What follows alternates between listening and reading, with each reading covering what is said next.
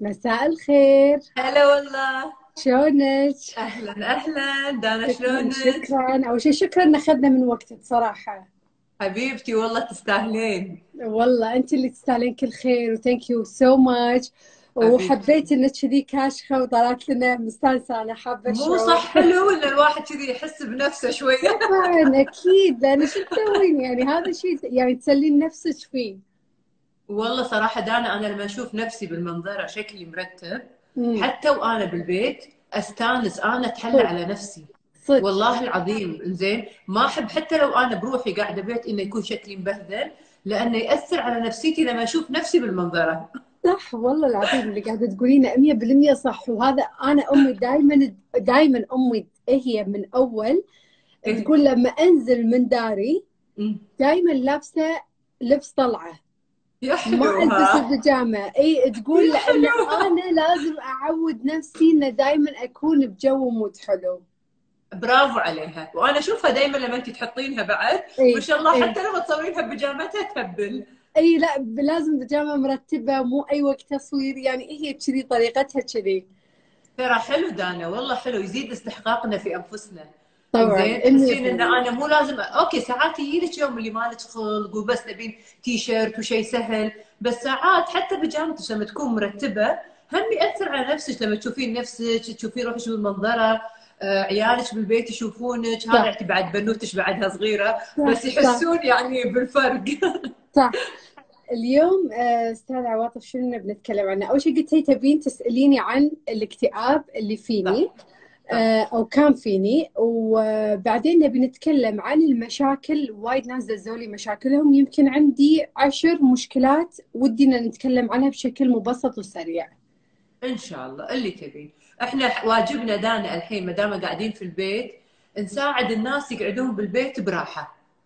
حلو. زين وإنه يكونون قاعدين ببيتهم وحاسين إنهم مطمنين ومرتاحين. فالحين لما نطلع أنا وياك live لما انت تطلعين live وأنا صح. أطلع live هالوقت هم قاعدين في البيت فحلو يستفيدون شيء حلو. صح ويشوفوا كأنهم قاعدين يشوفون تلفزيون ويتعلمون منه بشكل سهل ومبسط. صح كلامك. okay آه، أبي أتكلم معاك عن موضوع أنا اخذته ذاك اليوم على السريع يعني ما تكلمت بالتفاصيل. أمم. آه، قلت لك موضوع الاكتئاب حتى في وحدة كتبت لي كومنت إن انت شلون تشخصتي من الاكتئاب؟ ترى مو أنت تشخص نفسك الدكتور. بعد فترة من الوقت هو اللي يشخص حالتك. صح. فبالنسبة حق موضوع الاكتئاب عانيت منه من عمر ال 15 فكنت أنا تقريبا مراهقة وقالوا لي إذا أنت عديتي مرحلة المراهقة ممكن يروح هذا الشعور. إذا أمم. ما راح يعني هذا أنت فيك اكتئاب مزمن يظل معاك بين فترة وفترة يطلع بين وقت ووقت. آه بعدين اللي صار إن أحس إن ال- فكرة إن أنا طول الوقت مكتئبة قاعدة تضايقني. وحسيت إن أنا لازم أتغير استوعبت بعد فترة طويلة من الزمن إن الدكتور فعلا يساعد بس إذا الشخص ما ساعد نفسه هو ما راح يطلع من الحالة اللي هو فيها صح آه بعدين صار معاي إنه خلاص أنا راح أقطع كل حبوب الاكتئاب وراح أتعالج على حسب الظروف والوضع وأنا أحاول إني أساعد من نفسي. طبعا هذا الشيء أنا سويته وبدلت الحبوب اللي كنت آخذها في أشياء طبيعية مثل المغنيسيوم والأشياء هذه كلها اللي تساعد على النوم كانت الأعراض أول شيء ضيقة من غير سبب ما فيني شيء بس أكون كذي bad mood ما في سبب. آه، نظرتي سوداوية كانت حق بعض الأمور. أم، أتحسس من الناس بسرعة أتنرفز من الناس بسرعة ما أنام أبدا. عندي مشكلة كانت عويصة بالأرق. فكانت في وايد أشياء. لما أي أرجع حق السبب الأساسي ما ألقى ريزن ليش أنا ش... يعني شخص أعاني من حالة الاكتئاب. الحين اليوم يعني أتكلم عن وضعي الحين. إحنا قاعدين في البيت وحظر وأنا أعتبر ش... يعني أعاني من اكتئاب. ما أحس إني مكتئبة. أمم. لأن عديت وطلعت من هذه المرحلة. خلاص يعني أحس إن أنا بعمر ال 27 28 ساعدت نفسي إن أنا أطلع من هذه المشكلة. فأنت شنو تحسين؟ الشخص المكتئب لازم يعالج عند لايف كوتش ولا يعالج عند دكتور نفسي؟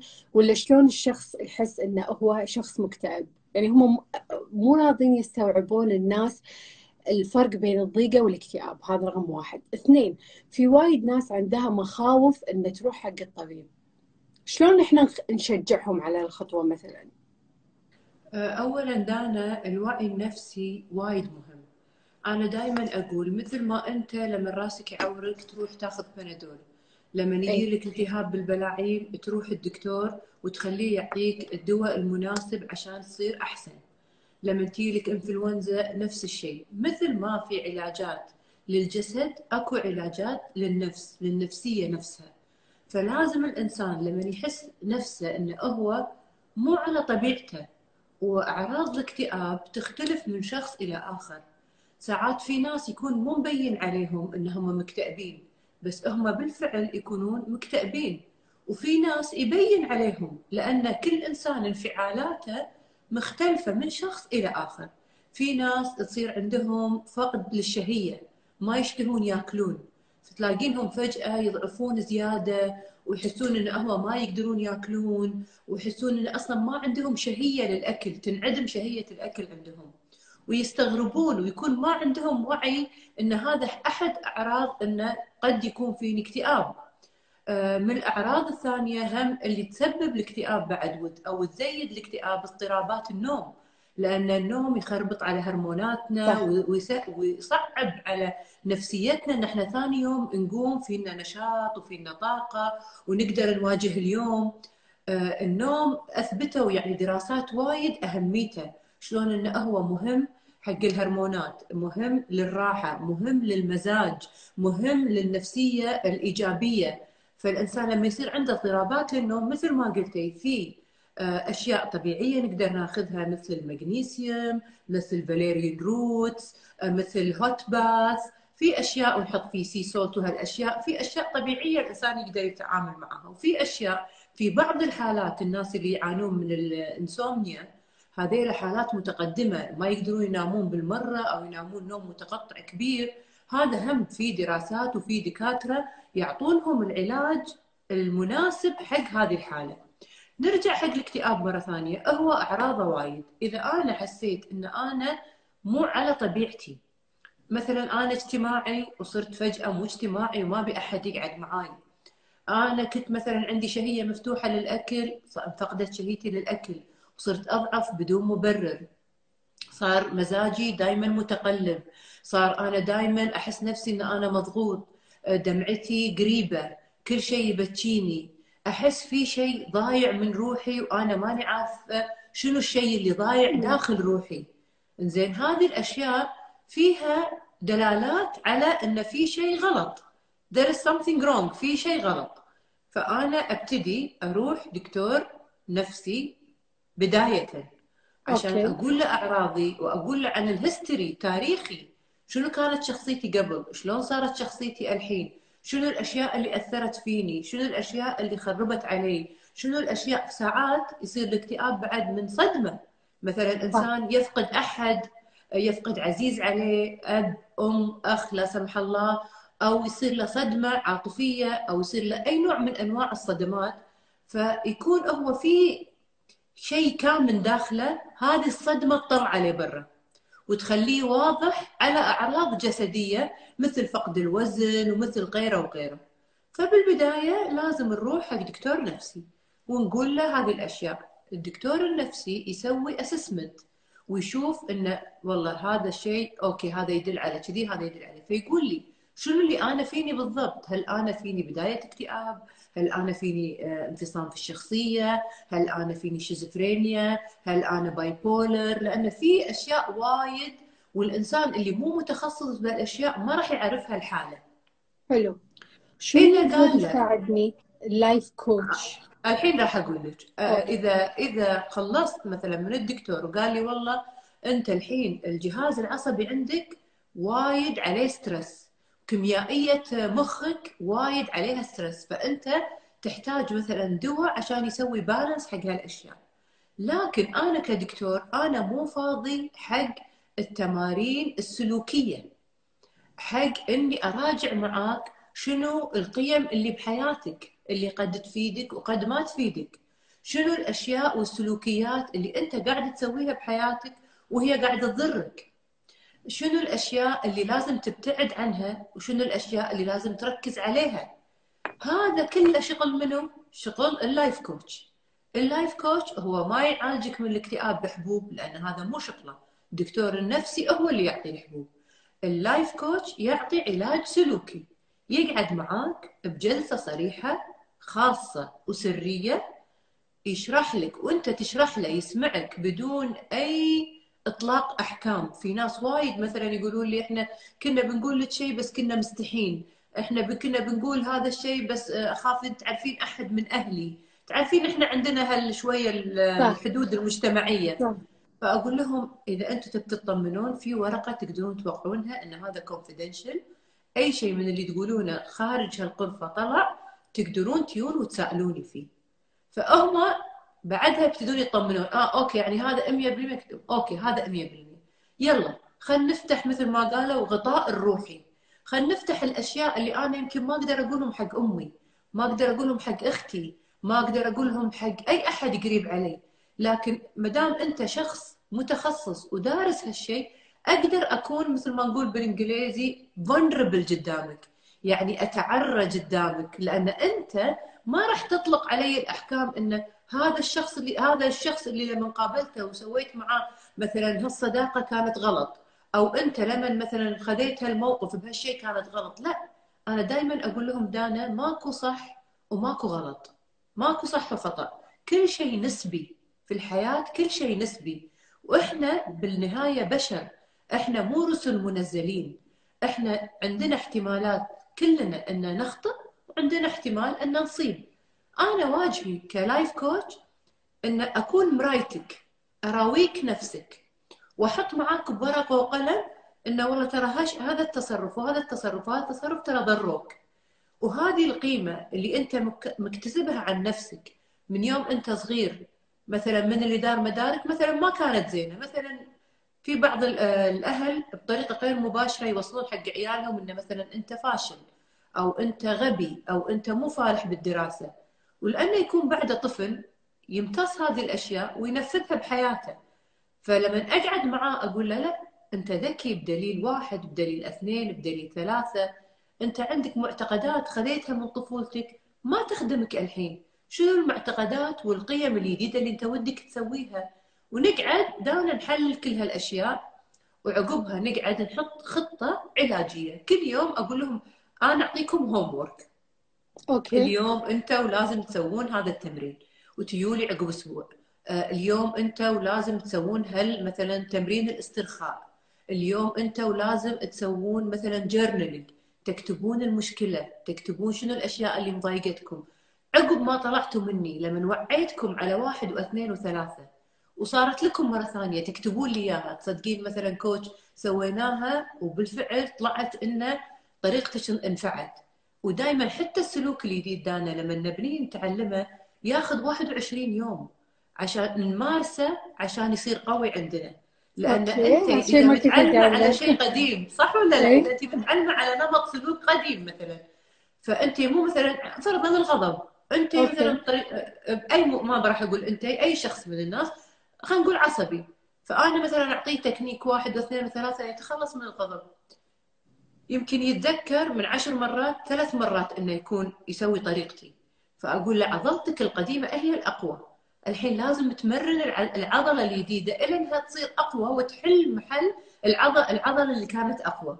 بالممارسة بتذكير النفس.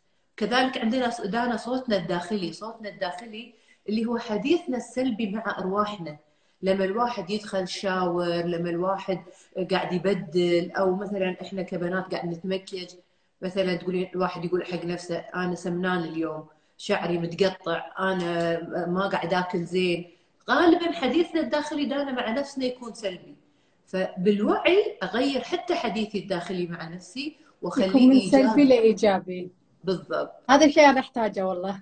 okay هذا ناخذه private session والله لأن صدق يعني هذا الشيء وايد حلو. وحسيت انه بعد أغلب الناس يعانون من موضوع الغضب وفي ناس عندهم مو غضب يظهرون الغضب اللي يكون داخلهم.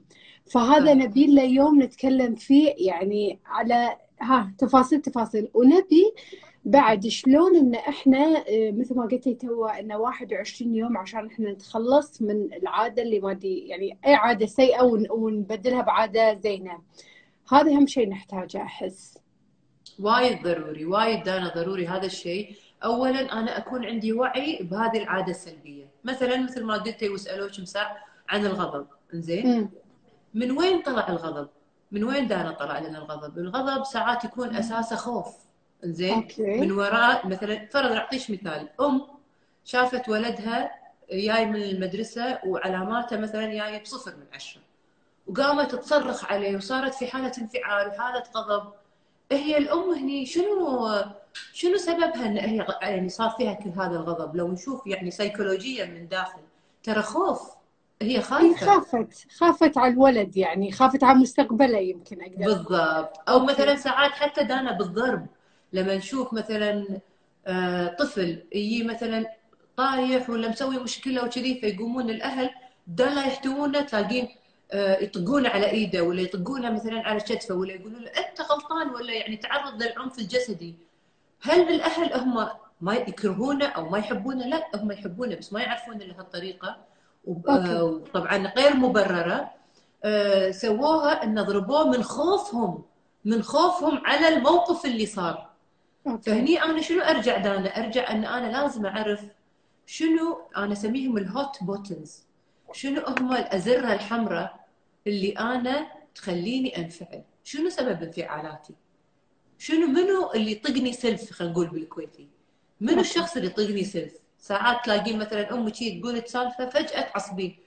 أقر... دا غالبا أكثر ناس يطقوننا سلف هم الناس اللي دار مدارنا. مثلا أحد قريب علي ليش؟ لأن هذا الشخص قريب علي. لما يقول لي شيء أكيد يأثر فيني. لما يجيك أحد من بعيد ويقول لك أي شيء حتى لو هو يثير غضبك بالغالب ما يهمك لأنه هو مو من دائرتك مو من أحبابك مو من الناس اللي يأثرون على قلبك وعلى مشاعرك. لكن إحنا نتأثر أكثر شيء بدائرتنا. فعشان أعالج غضبي أول شيء لازم أعرف منو اللي يسبب لي الغضب شنو المواقف اللي تسبب لي الغضب؟ ليش أنا أغضب؟ شنو دوافع الغضب عندي؟ هذيلا كلهم دانا لازم نكتبهم. ونحللهم ونمسكهم واحدة واحدة وبعدين مثلا تقول لي مثلا واحد واثنين وثلاثة هذيلا يسببوا لي الغضب. إنزين هذيلا ال buttons اللي عندك تبين الأشخاص اللي دار مدارك هم يتحكمون فيك؟ مثل ال remote control؟ إي يدوس هال button يخليك تعصبين ويخربط يومك كله؟ ولا تبين تكونين أنت المتحكمة في انفعالاتك وتخلين الآخر آه، ما يستفزك لو بأي طريقة؟ حبيت طريقة التفكير. توني قاعدة أفكر فيها. قاعدة أقول كل اللي حواليني هم اللي يطقوني بسلف ترى سلف سلف يعني إيه. حسيت إن اللي حواليني هم يعني هم المشوشات. عرفتي قصدي؟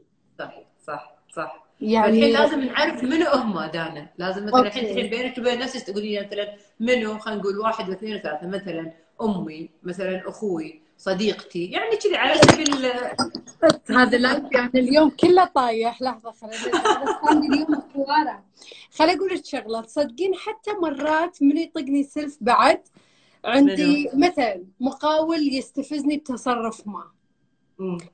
آه صالون سووا مثلا حركة بزبونة ما يعني تعرفين هي اللي حوالينا يعني الناس اللي نشتغل وياهم ممكن هم واحد من الأسباب اللي تخلينا شوي نعصب. بالفعل دانا وبعدين تدرين شنو؟ ليه تدرين ليش تعصبين؟ شيء من الأشياء. لأن أنت شايفة الشيء بمكبر. إيه. النملة تشوفينها فيل فتكونين لابسة النظارة المكبر. إنزين؟ والله صدق الواحد يلاحظ نفسه فيلاحظ إنه okay يعني مثلا okay واحدة مثلا في الصالون من اللي تشتغل مثلا سوت شيء خطأ مثلا. هل هو آخر الدنيا؟ لا. هل هو يسوى أن تحرقين أعصابك؟ لا. إنزين. هل هو يسوى أن انت بهاللحظه انفعلتي وهل انفعالك غير الفعل؟ لا. هو الفعل خلاص صار. زين فهذا هو اللي لازم ما نهتم حق صغائر الأمور هذه. ندرب نفسنا بعد عليها. ولازم إحنا نتعود أن نتجاهل أنا الحين قاعدة أتعلم بس يبي لي وقت طويل فمثل ما قلت لي 21 يوم عشان تكسبين عادة جديدة.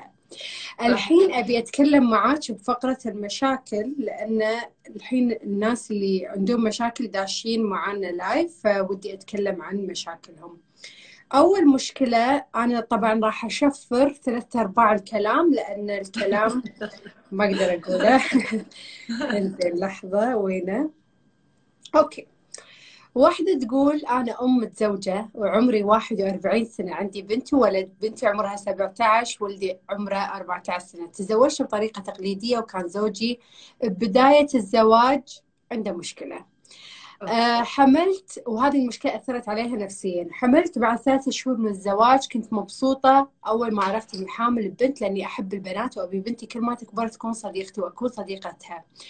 جبت بنتي والحمد لله وسميتها ما نقل الاسم وكبرت سنة بعد سنة من حبي لها كنت أنومها على صدري. يوم بعد يوم كبرت بنتي وكنت ساكنة مع أهل زوجي لمدة 12 سنة. كانوا يتدخلون بحياتي وايد وكنت أبي بنت ركزي على هالبارت مثالية خالية من الشوائب. وكنت قاسية عليها وعلى أي غلطة كانت تغلطها كنت أطقها يعني بما معناه وأخاصمها وأعاقبها. يعني قبل 18 سنة ما كان فيها التطور وسائل التواصل عشان أستشير أحد أو أقرأ أو أتعلم. كل اللي تصرفته مع بنتي كان بسبب أبوها لأن من تزوجتها اكتشفت فيه إنه عنده عادة جدا سيئة كان كنت أشوفها فيه. وتمر الأيام تدخل البنت المدرسة وكل فترة تزيد قسوتي عليها أكثر وأكثر. لما كبرت البنت بعدت عني. ولقيتها تكتب بنوت خواطر من ضمن خواطرها إن أنا كنت أطقها وقاسية عليها. من داخل قلبي أحبها لكن ما أقدر أعبر لها وحسيتها بعيدة عني وما تشاركني ابدا حياتي الخاصة ولا أقدر أشاركها. صرت قريبة منها الفترة بخصوص الإجازة مالت الحظر. بس ما تتكلم معاي رغم إني وايد أسألها وأناديها إن تتقهوى معاي. آه أنا غلطانة وأعترف إني كنت على خطأ بطريقة تربيتي لها. طول هالسنين أبي أعوضها على اللي صار أبي أتقرب منها. مرة متندمة على اللي صار وأحس إن ضميري كان ميت الفترة اللي طافت يعني طول هالسنين. والحين أبي أغير من نفسي. شلون أتغير وأساعد نفسي؟ okay. التغيير طبعا له وايد طرق. زين تقدر مثلا تثقف نفسها من ناحية الأشياء النفسية. في كتب وايد زين عن هذه الأشياء إن هي شلون تربي بنتها. في كتب عن التربية. في أول واحد قبل لا مثلا يأثر على اللي قدامه أو على بنته أو هذا لازم يغير نفسه. زين لازم أقعد مع نفسي جلسة صادقة وأشوف شنو أخطائي. ليش أنا سويت كذي بالبنت وهي صغيرة؟ وأنا بعد يعني يمكن هي كانت مثل ما قالت انه بذاك الوقت ما كان أكو وعي بالنفسية أي. بس بعد ما أحب انه مثلا نلوم الأب وايد. ليش؟ حتى لو هو غلطان. لأن لما أكون أنا بدور الضحية ما أعترف في أخطائي أنا. وأخلي الأب شماعة. مو بقصد يمكن هي يعني مو قصدها المرة بس يكون انه كنا يسهل علي إن أنا خذيت مسؤوليتي وحطيتها على شخص آخر. أوكي لو هو مثلا مسوي أشياء مو زينة هل معناته هذا يبرر إني أنا مثلا كنت قاسية مع بنتي؟ واطق بنتي؟ هذا ما يبرر هذا.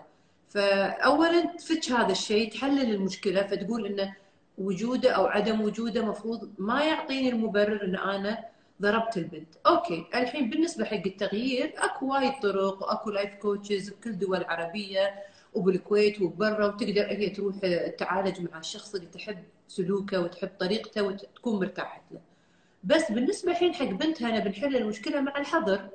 ما دام إحنا بالحظر والحين كلهم قاعدين بالبيت تقدر هي شفتي هذا الفولنربيلتي قلت لك التعري قدام البنت؟ أقدر بنتي الحين مثلا كبيرة وتفهم أناديها أقول لها ترى أنا ما كان قصدي إن أنا أجرحك وأنا آسفة وأنا أنا انت بنتي وأنا أحبك وادري انت مجروحة مني وفقدتي ثقتك فيني مثلا من قبل.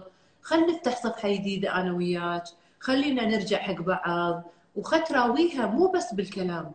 تراويها بعد دانا بالأفعال. إنزين؟ تراويها أفعال الحب. تبتدي معاها طريقة جديدة. وكأن هي الحين قاعد تعرف عليها من يد ويديد. إنزين؟ تبتدي. معاها إنه والله تراويها الحب. تقعد معاها تستمع لها. وشوي شوي تكتسب ثقتها. عشان البنت لما تحس إن الأم فعليا هالمرة ما راح تنفعل تجاهها وراح يروح الخوف اللي هي تحسه منها اكتسبتها من الطفولة عقب فترة راح ترجع شوي شوي تثق في أمها. ولو أمها لازم تكمل طبعا على الطريقة هذه الجديدة لما شوي شوي يوصلون حق بعض ويوصلون حق مرحلة إن هم يرجعون حق بعض. بس هذا يبي له مجهود ويبي له وعي ويبي له استمرارية. أوكي. أنا بالنسبة لي حسيت إن صراحة حق آه مشكلتها آه، مو هينة 18 سنة. يعني تتبلور شخصية البنت بهالوقت هذا كله. يعني أنا أشوفه من سن الطفولة للمراهقة وكل اللحظات الحلوة تكون بهال يعني بهالفترة هذه.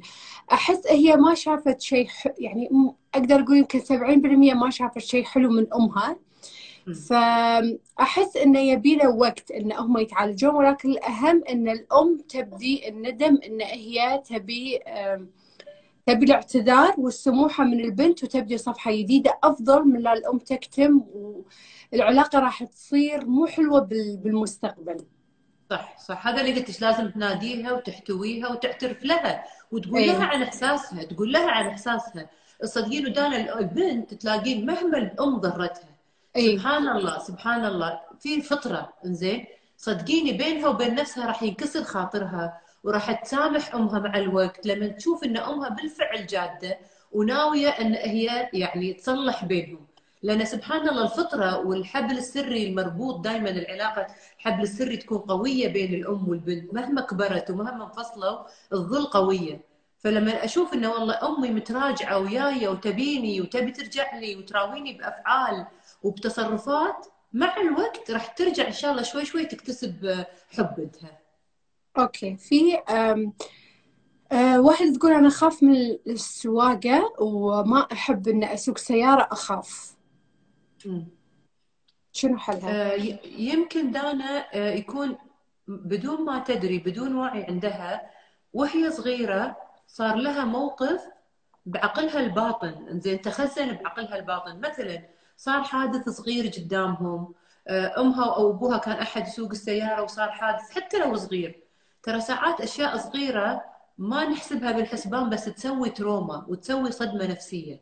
فيمكن هذه الصدمة النفسية أثرت عليها لكن هي الحين كبرت ما هي قادرة تتذكر بالضبط الموقف اللي صار يمكن لأنه كانت حيل حيل صغيرة.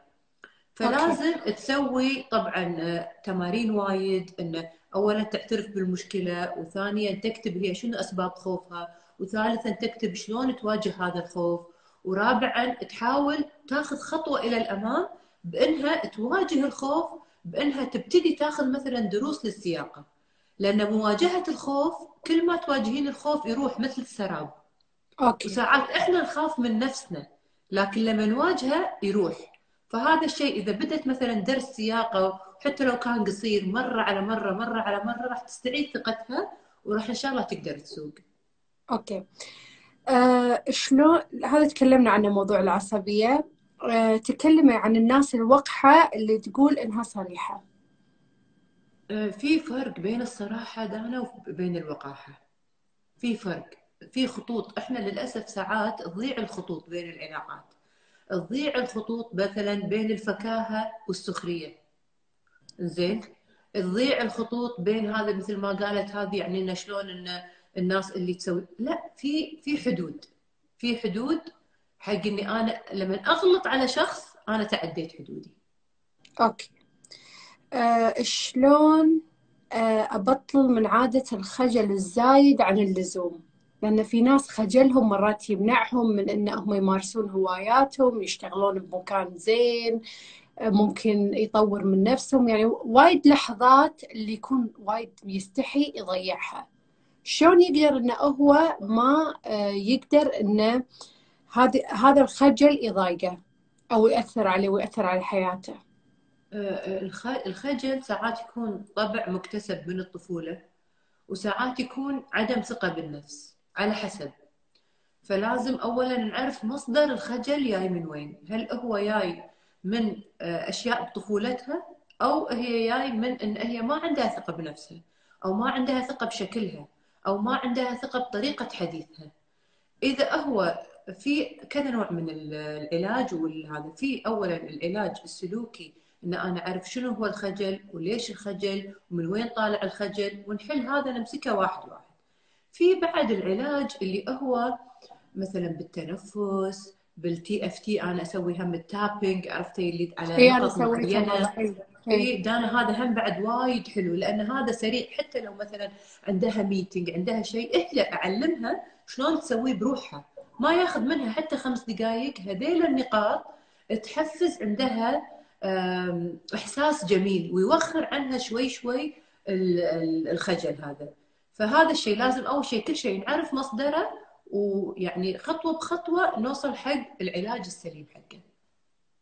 آه، okay تكلمي عن شخصية الرجل الجاف مع زوجته وشلون تقدر تتوالم وتتأقلم وياه. الجفاف يعني هي ما حددت حددت لنا معنى الجفاف مالها آه هو spectrum وسيع. يعني يمكن يمكن مثلا هو جاف إنه بمعنى مثلا منطوي على نفسه وما يعرف يبين مشاعره فرضا. هذا okay. نقدر مثلا هي كزوجة تقعد معاه بوقت يكون هو الوقت المناسب. يا جماعة اختيار الأوقات المناسبة للحديث مع أزواجكم وايد وايد وايد مهم.